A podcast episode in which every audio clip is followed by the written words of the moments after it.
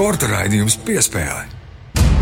Esiet sveicināti Latvijas radio pirmā kanāla klausītāji, sporta raidījums piespēle, kā jau katru svētdienu, un studijā Mārtiņš Kļavnieks un Māris Bergs. Sveiks, Māri! Sveiks, Mārtiņ! Sveicināti klausītāji! Raidījumā šodien runāsim par sporta veidu, kas aktuāls parasti nu, no aptuveni novembra līdz um, februāra beigām, mārta sākumam, bet tas jau nenozīmē, ka citā laikā par to nedrīkst runāt, jo studijā viesosies uh, šī sporta veida panākumiem bagātākais atlēts, joprojām, kaut gan karjeru ir noslēdzis runa ir par skeletonistu Mārtiņu Dukuru. Runāsim gan par viņu pašu, gan par Lielbritānijas skeletonu panākumiem. Kāpēc mēs tagad, aprīļa beigās, runājam par skeletonu? Izskaidrojums tam ir pavisam vienkārši. Mārtiņam, nu, būtībā, nu pat tikai noslēdzās sezona un aktīvais darbs ar Lielbritānijas skeletonu izlasi. Un, protams, arī par to, vai viņa meitas kādreiz varētu arī braukt pa trasi ar skeletonu kamanām. Bet nu gan ķeramies klāt pie iknedēļas topa.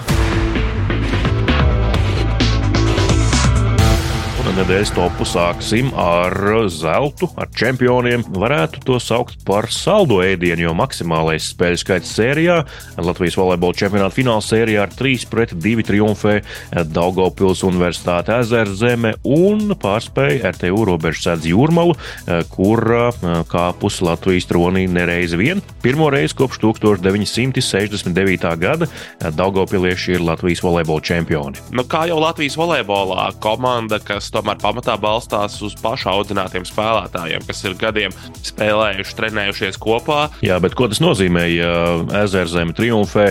Ezerzeme līdz šim bija tāda, nu, ja ne otrā ešalona, tad tuvu tam pirmajam divniekam, bet tomēr netik spēcīga komanda. Pirmie, protams, pēdējos gados bija Jēkabils Lūši, tāpat arī jau minētā RTU robežsardze. Ko tas nozīmē Latvijas volejbola kontekstā? Klubi palikuši vājāki, ir mazāk konkurētspējīgi spēlētāji. Tieši to tas arī nozīmē, jo būtībā, ja mēs paskatāmies Jēkabils Lūšu kaut vai sastāvu pirms diviem gadiem, 2021. gada finālsērijā, kad viņi izcīnīja čempionu titulu, apspēlējot to pašu RTU komandu, tur bija nu, gandrīz puse Latvijas izlases tagadējā sastāvā. Arī, arī RTU bija labāki spēlētāji, bija Ukraiņas izlases pamatcēlājs pasaules čempionātā bija arī Latvijas izlases spēlētāji vairāk. Tieši klubu līmenis noteikti ir palicis švakāks, bet eh, pati ezerzeme ir izaugusi, ir kļuvusi spēcīgāka šī komanda.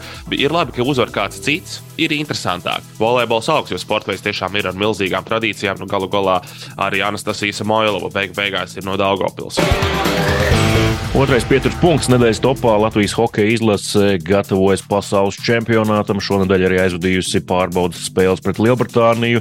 Nākamnedēļ arī gaidāmas pārbaudas cīņas vienīgās, kas notiks Rīgā pret Šveici 28. un 29. aprīlī, bet joprojām ik pavasara minējumi. Kurš palīdzēs komandai, kurš nevarēs pievienoties, kurš tomēr būs aizņemts klubu sezonā un tā tālāk. Un, protams, par Nacionālās hokeja līnijas spēlētājiem mums to nav tik daudz. Latvijai ir vislielākā interese, un, protams, par centra spēlētājiem ir īpaši, jo mums ir tāds viens izteikts pamatcentrs Rodrigo Abols, kas mums skaidrs, ka būs pirmajā vai otrajā maiņā. Protams, ka ir vajadzīgs vēl viens līdzvērtīgs, un uz Teodoru Bļugeru noteikti mm, visa Latvijas izlase un arī Latvijas hokeja izlases fanu pulks cer, ka viņš varēs atbraukt palīgā līgā. Nu, Lasvegasas Golden Knights um, vēl joprojām cīnās Stanley Kausa izcīņā, pirmajā kārtā pret Winnipeg Jets. Pilnīgi noteikti viss var būt. Tās pirmās spēles arī ar tādām mainīgām sekmēm. Pirmā spēle neizdevās, otrajā spēlē jau diezgan pārliecinoši nospēlēja Vegasas komanda. Teodors Bluegers gan nav pieteikumā, viņš netiek spēlēt, viņš ir starp tuvākajiem rezervistiem Golden Knights sastāvā. Nu, beig beigās atceramies, kas notika pēdējā reizē, kad Teodors Bluegers pievienojās Latvijas izlasē pasaules čempionātā. Viņš bija labākais iemet iemetienu speciālists visā čempionātā, respektīvi viņam bija labākais uzvarēto iemetienu procents visā turnīrā. Vai viens no vismaz pilnīgi noteikti. Nu, un vēl, protams, otrs um, uzbrucējs, ko gaidām, ir um, pēdējo pasaules čempionātu rezultatīvākais spēlētājs Latvijas izlasē Rudolfs Balcers, kuram, protams, kā jau mēs pagājušajā nedēļā uh, sacījām, šī sezona uh, nav ar daudz prieka brīžiem, uh, tieši otrādi, bet viņš joprojām ir um, Tampa Bay Lightning Farm kluba sastāvā. Iespējams, ka arī Tampa viņu izmantos Stanley kausā, bet oficiāli šonadēļ paziņojis, ka Latvijas izlasē ir gatavs palīdzēt arī šajā pavasarī, ja vien būs brīvs no darba klubā. Viņam galu galā ir jāsagaida, kad sezona beigsies abiem klubiem, gan Fārmu klubam, proti, Siraksjūtas Crunch, gan arī galvenajai komandai Tampa Bay Lightning, kas turpina cīnīties arī Stanley Kausa pirmajā kārtā. Viņiem sērija pret Toronto Maple Leafs.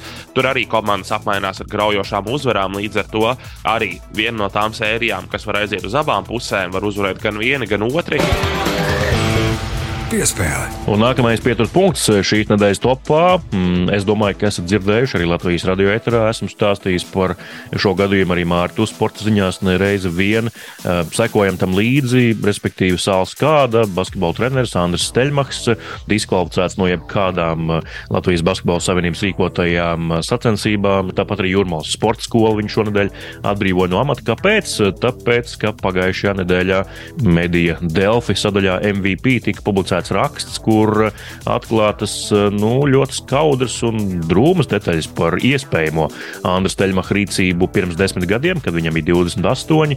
Vienai no viņa audzēknēm bija 14. Šīs attiecības tika sāktas, kad meitene bija nepilngadīga.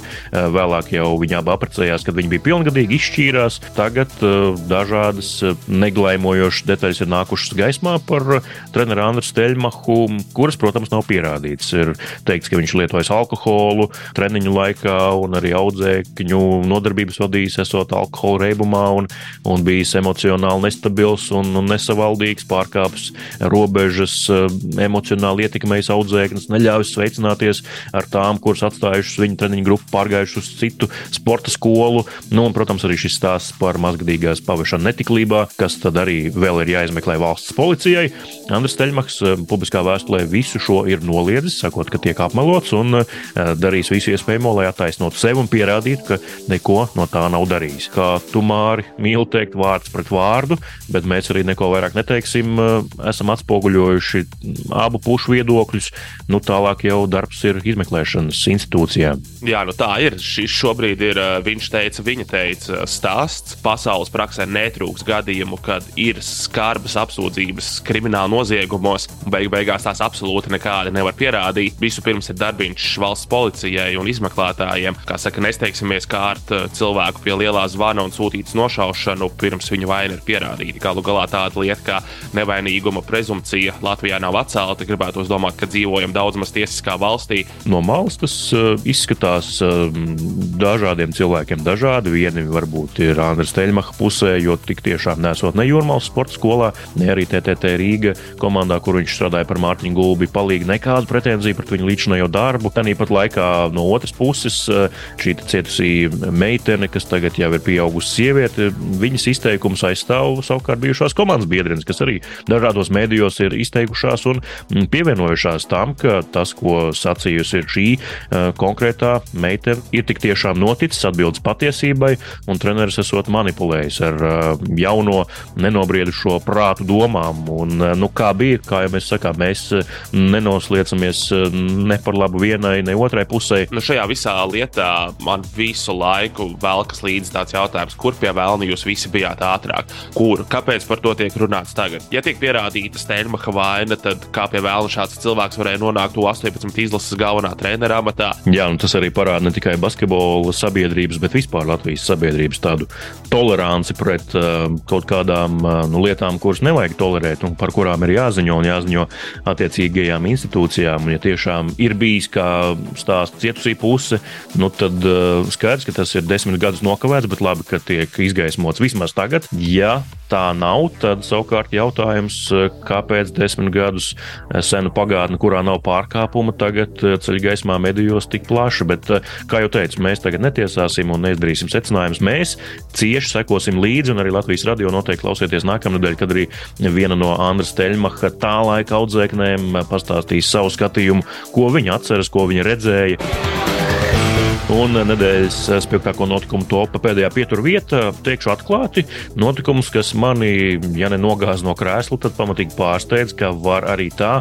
Un turklāt var Vācijā, kas, ja ne ir demokrātijas citadele, tad nu, tiešām tiek uztverta par valsti, kurā viss notiek pareizi un priekšzīmīgi. Vācijas medijas Jaktuelle publicē interviju pēdiņās ar Mihālu Šumacheru, pirmās formulas leģendu uz vāka. Kā zināms, viņš jau desmit gadus nekomunicē ar ārpasauli, jo tieši pirms desmit gadiem cieta smagā slēpošanas negadījumā, ilgstoši bija komā, tagad atrodas mājās jau vairākus gadus. Žurnālam uz vāka Mihāla Šumahera fotografija un virsraksts Mihāls Šumahers pirmā intervija. Bet intervija tāda, ka uz mediju jautājumiem atbild mākslīgais intelekts. Tātad mākslīgi ģenerētas atbildes, it kā Mihaila Šumahera vietā, te ir daudz jautājumu. Kāpēc tas vispār ir jādara? Kur paliek ētiskā puse? Jo nu, man šķiet, tas ir uh, vairāk nekā neētiski. Zinot Mihaila Šumahera uh, šī brīža stāvokli, viņa ģimene ir gatava sūdzēt tiesā Diaktuēli. Pilnīgi pareizi darījis šajā gadījumā, jo šis ir ļoti, ļoti spilgts piemērs arī mēdīju studentiem, pētniekiem, ko nevajag darīt un kā nevajag darīt. Un šis ir arī ļoti spilgts piemērs tam, kā modernās tehnoloģijas eh, var tikt izmantotas absolūti nepareizos nolūkos. Un es godīgi sakot, ceru, ka Šumahara ģimene pietiesās milzīgi, milzīgi daudz naudas no, no šī žurnāla. Savukārt mēs liekam punktu un dodamies eh, pie intervijas ar Martinu Dukuru. Martins jau tūlīt nāk studijā un stāsta, kā viņam eh, aizdītajā sezonā gāja ar Lielbritānijas skeletonistu trenēšanu. Varam pačukstēt, pēc rezultātiem gāja ārkārtīgi labi. Sporta raidījums piespēlē.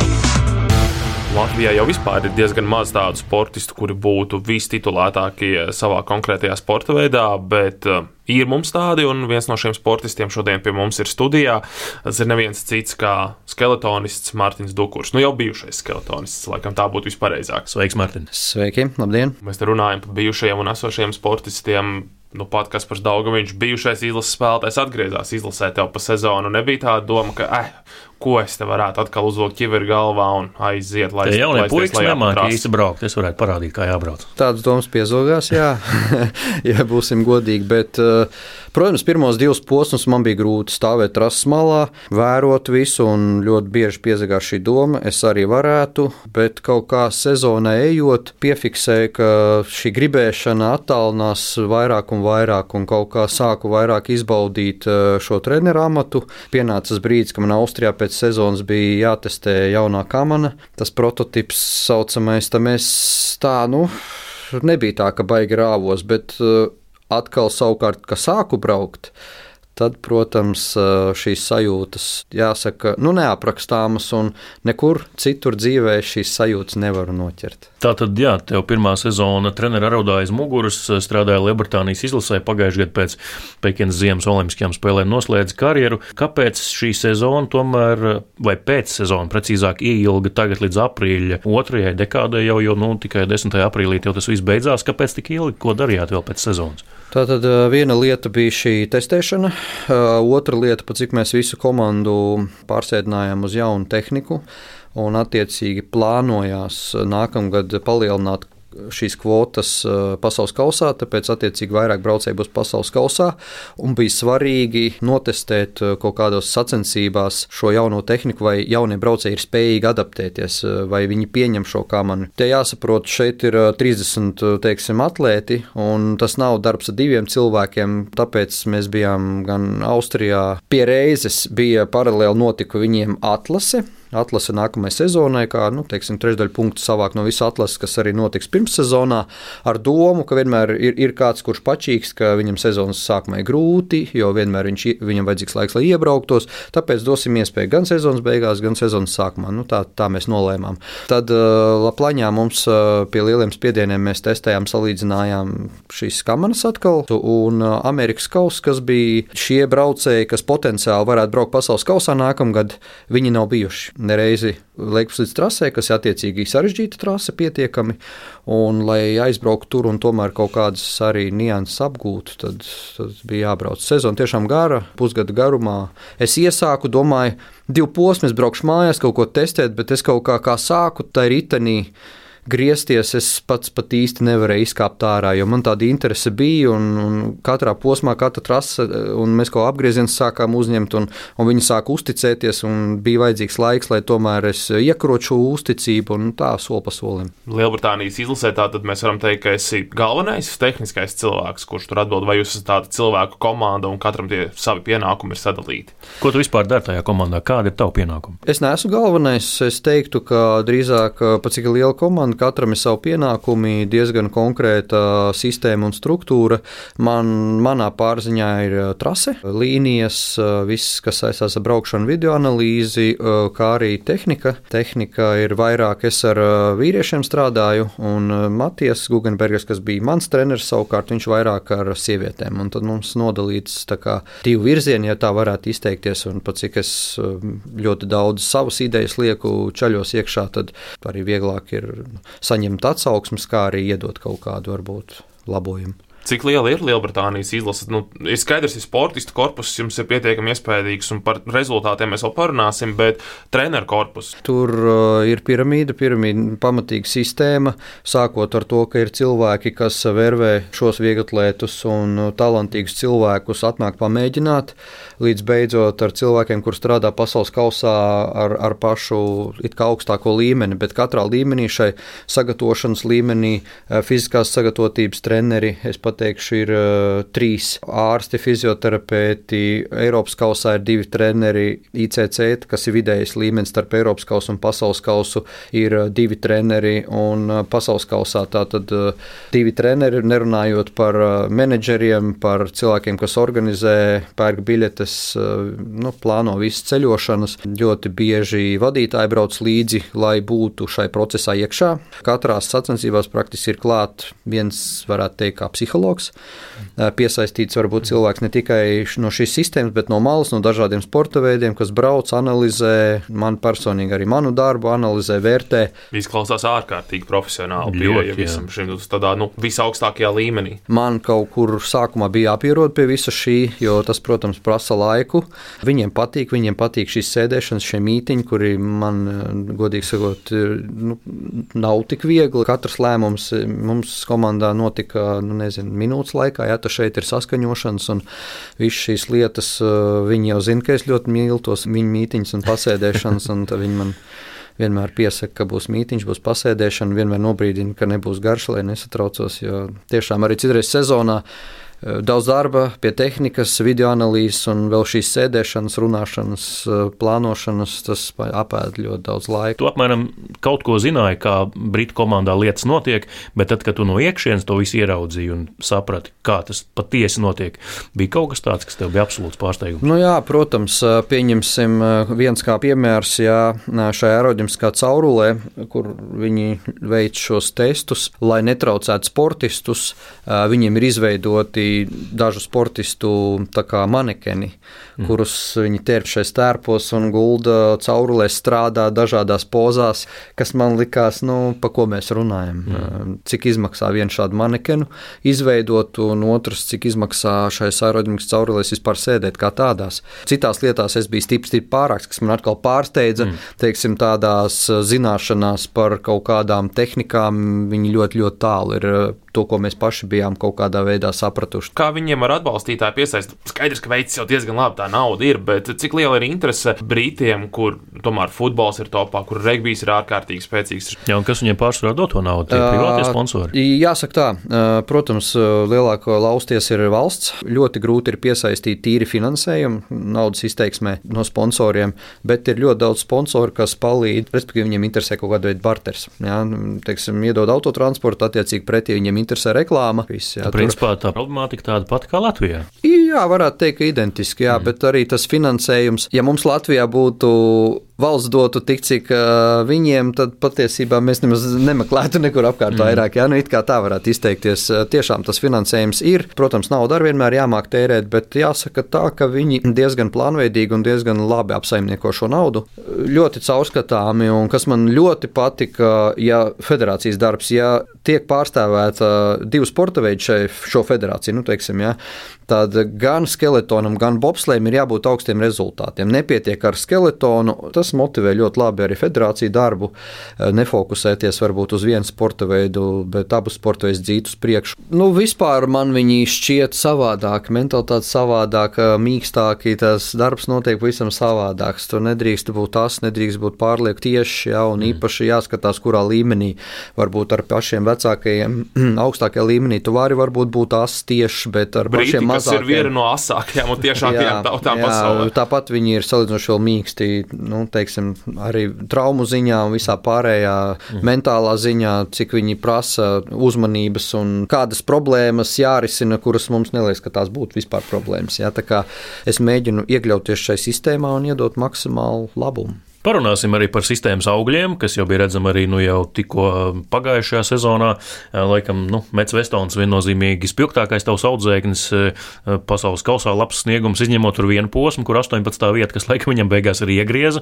Tā viņš būtu dabūjis arī lielo kristālu globus. Kā mēs saskaitījām, septiņi piedestāli, astoņos posmos, pieci no tām uzvaras. Jā, divi tavi audzēkņi arī labāko trīniekā kopērtējumā sezonā. Cik tu esi gandrīz par to, ko sasniedzāt? Tā man varbūt bija tāda, varbūt kaut kāda tāda patīkama patīkami negaidīta pļauka. Jā, jau pirmais posms Vislarā, trīs piedestāli, kas nokrita, un man jau bija tāds mazliet, nu, es domāju, ka nu, tā jau kaut kāda sakritība un, un paveicās. Un pēc tam jau nākamajos posmos jūtu, ka nu, viņi noķēruši, tā tehnika ir aizgājusi, un tad es gaidīju Eiropu. Jo tomēr, zin, kā likās, Amerika tur visi nav iebraukušies, un Krievu nav, un korejieši tur arī uz jaunām kamanām, un vācieši varbūt ar kaut ko testē, nu, gaidīja Eiropu. Bet, nu, ja mēs mēs Eiropā bijām konkurētspējīgi, tas man, tas man ļoti, protams, priecēja. Un, nu, tā ir motivācija, tā ir papildus motivācija. Tu redzi, sanāk, tu redzi viņu acīs deksmi, tu redzi Tur uz pasaules čempionāta arī vecāki bija atbraukuši. Viņi nāk klāt, izsaka tik labus vārdus. Teicām, tas, tas nav tikai mūsu nopelns, tas ir komandas darbs, un tā, tā tas arī ir. Tā sistēma jau bija pirms tam, vienkārši kaut kādas lietas pietrūka. Man pašam varbūt ne tik daudz, cik tie rezultāti. Man vairāk bija tā iekšējā cīņa būt pietiekami pacietīgam. Savā dabā neesmu tāds. Un uh, vienkārši tam iet cauri, un, un, un arī es mācījos. Ja, un, un tas man bija tāds nu, diezgan liels pārbaudījums pašam iekšēji. Bet mēs te runājam par brītu sistēmu, par rezultātiem. Rezultāti viņiem jau ir vēsturiski arī bijuši. Kristians Bromlijs, vīriešu skeletonis, ļoti spēcīgs bija savā laikā. Emīļa Viljamsa, sieviešu skeletonā, olimpiskā čempiona 2010. gadā. Bet Meits Vestons dominējošu sezonu būtībā ir aizvadījis. Viņš ir tāds skeletonu tīrradnis. Kas, kas varbūt ir, ja viņam, viņam ir fiziskais starts, braukšana, līnija uzķeršana, trajektorija uz, uzķeršana, kas ir tas viņa trumpis? Jāsaka, viņam ir viss, lai viņš būtu labs, mm. jā, viņš ir labs startā, viņam ir ļoti laba adaptācija jaunām trasēm, un viņš ir sajūta braucējs. Ja? Mēs iedalām braucējus divās daļās. Viens ir sajūta, un viens ir vienkārši mehānisks izpildītājs. Ja? Viņam ļoti labi šīs sajūtas, ja bieži vien tu viņam izstāsti un pietiek tikai ar apstāstīšanu, jo viņš braucot, viņš pats jūt, cik ilgi, cik stipri. Es kaut kur sākumā gribēju ticēt, ka tas ir tikai viņa talants, bet tomēr beigās nu, man gribētos ticēt, ka tas tomēr arī tehnika salikās, ka tomēr skrēja. Viņam ir tā dabas dotā īpašība, ka viņš māca uzlasīt ātrumu. Viņš citreiz izskatās uz kamanas tā kā saliecies tā kā banāns, ja, bet tās kamanas lietas skrien taisni, un tur tā milzīga atšķirība. Cits guļ uh, taisni uz kamanas, bet kamana sānslīdē iet, bet viņam vienmēr lietas iet taisni. Viņš cenšas kaut kā, un viņam ir tā sajūta. Viņš ir nācis no Taekwondo, diezgan augstā līmenī bijis Eiropas čempionātā, medaļās un tā tālāk. Viņam ļoti laba reakcija ir, ļoti laba balanss izjūta, un to arī redz Parunāsim par situāciju Latvijas skeletonā. Mārtiņš un Tomas Dukuri liek punktu, un Latvijas skeletons principā pazūd no kartes, no augstākā līmeņa sporta veida kartes pavisam noteikti. Tie, kas ir tie ir 11 gadnieki šobrīd, vēl skolā. Šobrīd, mācās. jā, Daņa Dukura vadītā skeletona akadēmija, Rivo Steinbergu arī pie, pie stūres, ko, ar ko mēs arī esam runājuši raidījumā piespēli. Cik tev bija laika vispār, Mārtiņ, sekot līdzi, kas te notiek, un cik tu zini, kas šobrīd notiek Latvijas skeletonā? Ja godīgi zinu, diezgan smalki, diezgan detalizēti, jo biju diezgan iesaistīts visā šajā projektā. Piepalīdzi, jo pašam sirds sāp par šo stāvokli, kādā stāvoklī šobrīd ir šis sporta veids Latvijā. Darīšu visu, kas būs manos spēkos, neatsaku padomu, neatsaku teiksim, neko. Nu, jāsaka to, ka jābūvē jau ir sistēma. Nedrīkst būt tā, ka to visu uzkrauj viena vienam cilvēkam, ja, tā šajā gadījumā tas bija tēvs, kurš nu, pietiekami daudz ar mums jau laiku pavadīja, un šī laika trūkuma dēļ un uz beigām es jau jūtu, viņam ar sāk spēki zust. Bija konkrēta no valsts, varbūt konkrēts, mm, nu, neteiksim, nu, mājiens vai, vai konkrētai sistēmai mums vajag. Rekur šeit ir treneru atalgojums, piesaista treneru, strādājam, attīstam, rekur jums ir šāds finansējums. Nekas jau tāds nebija. Viss bija tāds, nu, kā jūs to redzat, rekur ir kaut kāds finansējums, jūs to varat iztērēt sev, ieguldīt kaut kādā tehnikas attīstībā vai arī attīstīt jaunos. Nu, tas viss ir tā tā arī tika improvizēts pa lielam, bet nebija jau konkrēti sistēmas skolas vai valsts līmenī pateikts, mums šis sports veids interesē, jūs varat rēķināties ar, nevajag lielu finansējumu, vajag, vajag zināt spēles noteikumus. Rekur ir šāds finansējums, lūdzu strādājiet. Tur vairāk bija varbūt Jāņa Kola un Dāņa konflikts, varbūt mm. viņiem vajadzēja pie galda apsēsties kaut kādas lietas izrunāt, un abi ir nu, personības, un abi uzskatīja, ka viņi pietiekami spēcīgi, ka viens bez otra mierīgi izdzīvos, un tāpēc varbūt ar laika gaitā nu, tas viss apauga varbūt nu, tādā līmenī. Un tas, protams, viennozīmīgi traucē, traucē sporta veidu attīstībai, ka nedrīkst būt tāda sistēma, ka 99% iedod valsts, un tad tu tur vari vienkārši pačīkstēt un kaut ko dabūt. Jābūt arī kaut kādai samērībai, ka kaut kādu procentu iedod valsts, bet pārējais ir federācijai jāmāk piesaistīt. Ja šis sporta veids tavā skatījumā ir tik unikāls, tik skatāms, tik baudāms, nu tad ej un notirgo to savu sporta veidu un piesaist kaut kādu finansējumu, vai atrod veidu, kā to izdarīt. Ja reiz skatās vairāk miljardu pasaules kausu, tad taču vajadzētu būt diezgan viegli pārdot, vai ne? Martin, tu vienmēr esi bijis tāds nu, publiskajā retorikā korekts, vienmēr ieturēts, tāds labs, kā saka, federācijas darbinieka materiāls. Prezidents. Zinu, jā, nu, vai prezidents vai kāds cits, bet nu, tur arī ilg, ilgs ir bijis tas stāsts, ka bobslīsti valdē federācijā un skeletonu neviens īsti nepārstāv, kopš Dainas tur vairs nav valdē. Esmu dzirdējis, ka Tomasam gribēja piedāvāt darbu valdē, nezinu, vai ir piedāvāts vai nav, to droši vien tu labāk zini. Tev piedāvāja, nepiedāvāja?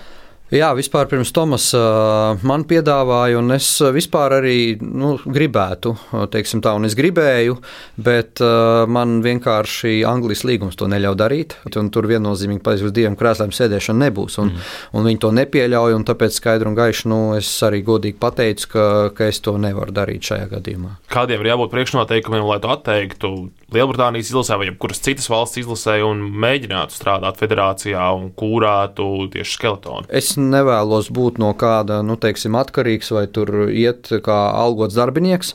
Es vēlos, eh, lai, lai manā privātā biznesā lietas iet labi, un es to daru sabiedriskā kārtā. Es to daru ar, ar atdevi, ar prieku, un es esmu gatavs ieguldīt savus finansiālus līdzekļus, negaidot, ka man kādam kaut kas jādod pretī. Vienkārši man jādod pretī ir attieksme un, un godprātīgs darbs. Tā, Martin, kā tad ir ar to līgumu ar Lielbritāniju? Nu, viena sezona, tas ir beidzies, pārunas par jaunu līgumu. Jā, visi procesā.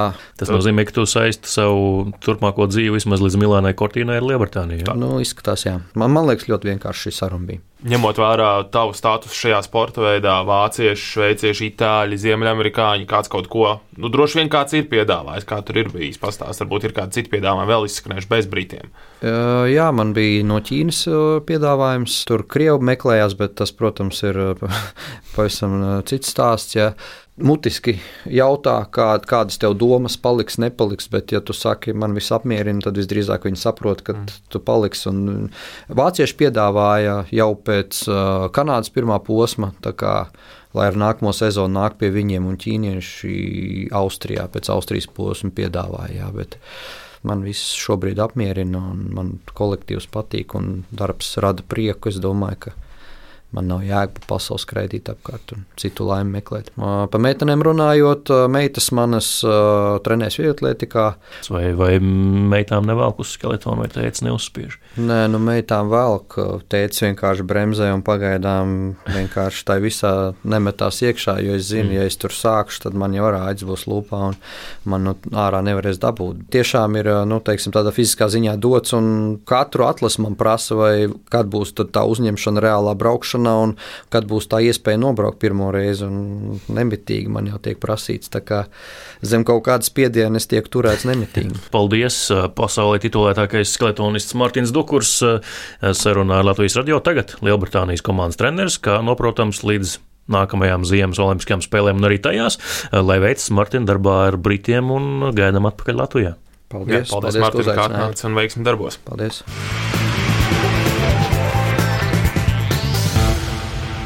Tāda lūk intervija ar Mārtiņu Dukuru. Tās pilno versiju meklējiet jau nākamnedēļ visās populārākajās raidierakstu vietnēs. Tur vēl daudz interesantu lietu palikais kadra. Savukārt mūsu vēsturnieks Reinis Grunspeņš ir atpakaļ māri. Jā, Rēnis ir atpakaļ, un uh, viņš šoreiz rubrikā Vēstures stūrītis ielūkosies uh, daudzos spilgtajos brīžos, kurus mums sagādāja Dukuru ģimene. Klausāmies! Vēstures stūrītis. Vispirms par patīkamu vēstu no Vācijas, kur Vinterbergas trasē pasaules kausa priekšvedējā posmā Latvijas skeletonists Martins Dukurs izcīnīja trešo vietu, bet viņa brālis Tomas devīto. Šoreiz pārsteidzu patīkami sevi un pārējos, bet godīgi sakot necerēju. Pēc pirmā brauciena tā arī domāju, ka nu, būtu labi, ja noturētu sesto pozīciju. Tas ir tavs lielākais sasniegums, ne? Tieši tā. Tas tā saliekās, un kad tehnikas uzlabojums sezonas sākumā, kā arī īrētā slīde izrādījās mazliet ātrāk kā manējā. Grūti pateikt, prognozes tā ir slidena lieta. Gribētos jau pasaules kausā, ka NXZ desmitniekā ieslīdēt iekšā. Tā ar lielu piesardzību par saviem nākotnes mērķiem stāsta tobrīd 22 gadus vecais Martins Dukurs intervijā ilgadējam Latvijas radio sporta žurnālistam Uldim Jirgenam. Dažas stundas pirms šīs intervijas Martins bija pirmoreiz karjerā kāpis uz pasaules kausa goda piedestāla. Olimpiskajās spēlēs viņš debitēja vēl gadu iepriekš, 2006. gadā Turīnā.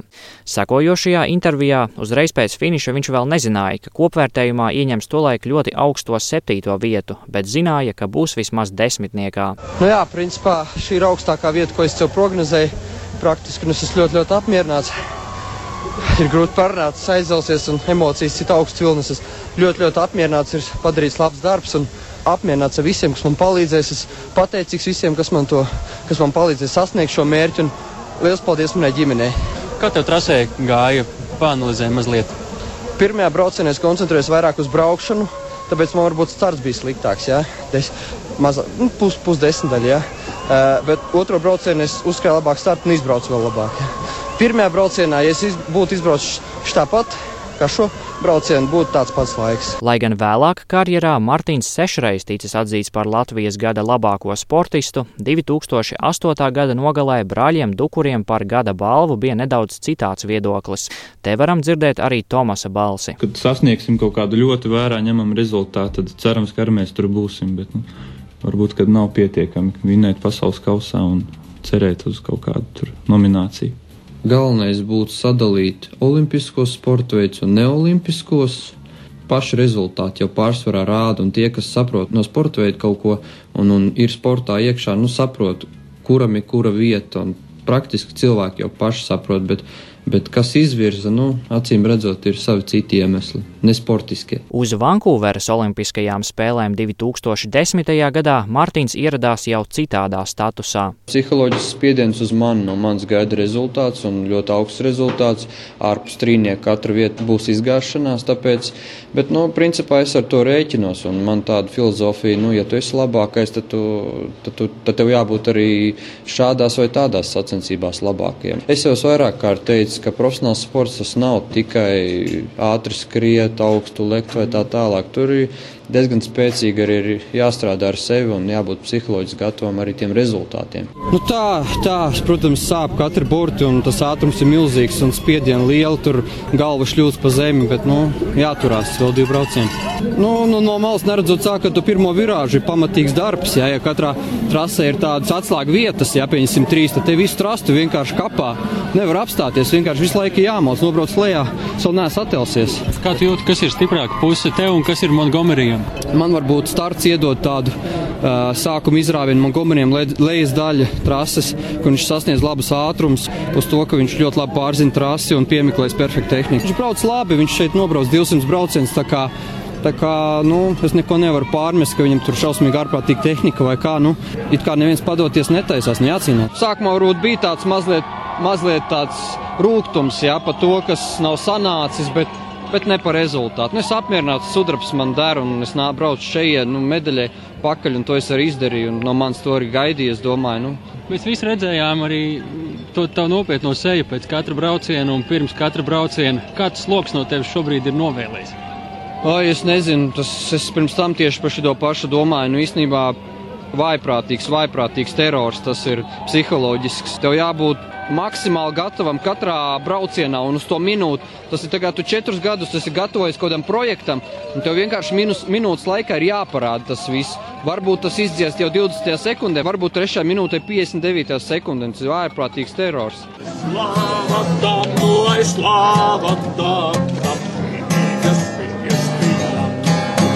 Katra Latvijas sportista atgriešanās mājās no pasaules mēroga sacensībām ir emocionāla, un ja pieplūsojam tam klāt vēl izcilus rezultātus, tad sagaidīšanas ceremonijas sportistu sirdīs iegulsies uz visiem laikiem. Izņēmums nebija arī šoreiz, un brāļus Dukurus sveica ar ziedu kalniem un dziesmām. Noteikti ar medus pieskaņu. Noteikti. Kādas sajūtas ir atgriežoties mājās? Nu, puķi kalnu tādu, kad. Nu, protams, patīkami šis. Tas viss pasākums nav aprakstāms, un, un es novēlu ikvienam, ikvienam, kas ir šeit, eh, kaut ko tādu piedzīvot dzīvē. Pēc Vankūveras spēlēm Dukurs turpināja būt pārliecinoši labākais skeletonists pasaulē. Nevaru nosaukt vienu konkrētu lietu, kāpēc es esmu ātrāks kā es visiem saku, es dotajā momentā vienkārši esmu uz devītā viļņa, es esmu tādu ātrumu un kursu uzņēmis, cik ilgi man būs lemts noturēties kas viņu zina, bet ik viens mēģinās pievilkties ar katru posmu, ar katru gadu ar vien tuvāk un tuvāk un attīstīsies. Tā kā tas viss ir mānīgi, tāpēc mēs arī centīsimies virzīties uz priekšu. Taču, diemžēl, Sočos brāļiem Dukuriem nācās samierināties ar identiskiem rezultātiem kā četrus gadus iepriekš - Mārtiņam Sudraps, bet Tomasam atkal ceturtā vieta. Jaunākais brālis pirms pēdējā brauciena pat prātojas, vai varbūt tīšu prāt kļūdīties un atdot olimpisko medaļu vecākajam. Martins salīdzināja sajūtas Vankūveras spēlēs un Sočos. Tur bija tā, ka viss bija manās rokās, un es izlaidu, un bija tāds varbūt sarūktinājums lielāks. Jo, jo šeit es varbūt braucu savādākām domām, arī uz šejienes. Nedzīvoju kaut kādās ilūzijās, ka es atbraukšu, te visu sakaušu. Mans uzdevums bija nobraukt četrus stabilus braucienus un tad skatīties, jo ir tāds faktors kā konkurenti. Es nevaru paredzēt, kādā līmenī viņi startēs. Es pat vienu brīdi domāju, Es tā stāvēju, startu, es redzēju, viņš ir ceturtais. Es domāju, moš man vispār atdot viņam, un, lai tiek. Nu, jo, Zin, kā pelnījis viņš nu, nav ne mazāk. Mēs strādājam kopā, nu, abi divi lejam sviedrus kopā. Nu, baigi sāpīgi bija. Nu, neskatoties to, ka man it kā jākoncentrējas saviem braucieniem, es stāvu un skatos. Un, nu, nu, sāpīgi, sāpīgi. Es vēl pēc uh, trešā brauciena piegāju tēvam. Es saku, ja ir tāda situācija, nu varbūt atdot, nu, lai tiek, nu, lai man pēc tam nomētā ar akmeņiem un tomātiem. Bet, bet, nu, tāda ir tā situācija. Man arī starptautiskā televīzija prasīja, nu, kas ir ar tiem latviešiem. Viņi saka, jūs rekuskeletons, viss notiek, bobslijā rekur atnāca jauns un, un tuliņ būs viss kārtībā, būs rezultāts. Un viņam teica, mēs latvieši esam tāda ļoti dīvaina tauta. Mēs esam ļoti sīksta un tādi, ja Latvijas ieņems galvā, es domāju, ies un nepadosies. Un, un dotajā momentā, jā, tas ir svarīgi Latvijam apzināties, ka nu, daudz kas ir iespējams un daudz kas ir no paša atkarīgs. Jāsāk pašam ar sevi. Līdz olimpiskajam zeltam Martinam tā arī neizdevās aizsniegties, taču savā karjerā viņš kļuva par seškārtēju pasaules un 12-kārtēju Eiropas čempionu. Šī vēsturisko materiālu apkopojuma noslēgumā patieso iemeslu saviem panākumiem un mīlestībai pret skeletu maratonu iezīmē 2008. gada Mārtiņš Dukurs. Es esmu iemācījies to sportu uztvert un izbaudīt, nevis uh, trasē cīnīties ar kaut ko, vai, vai ka tas man būtu kaut kāds pienākums, bet es tiešām daru to, kas man patīk un kas man sagādā gandarījumu. Tas ir izcili, izcili. Tas bija brauciens. Četrkārtējais pasaules čempions. Pasaules kausa. Yeah.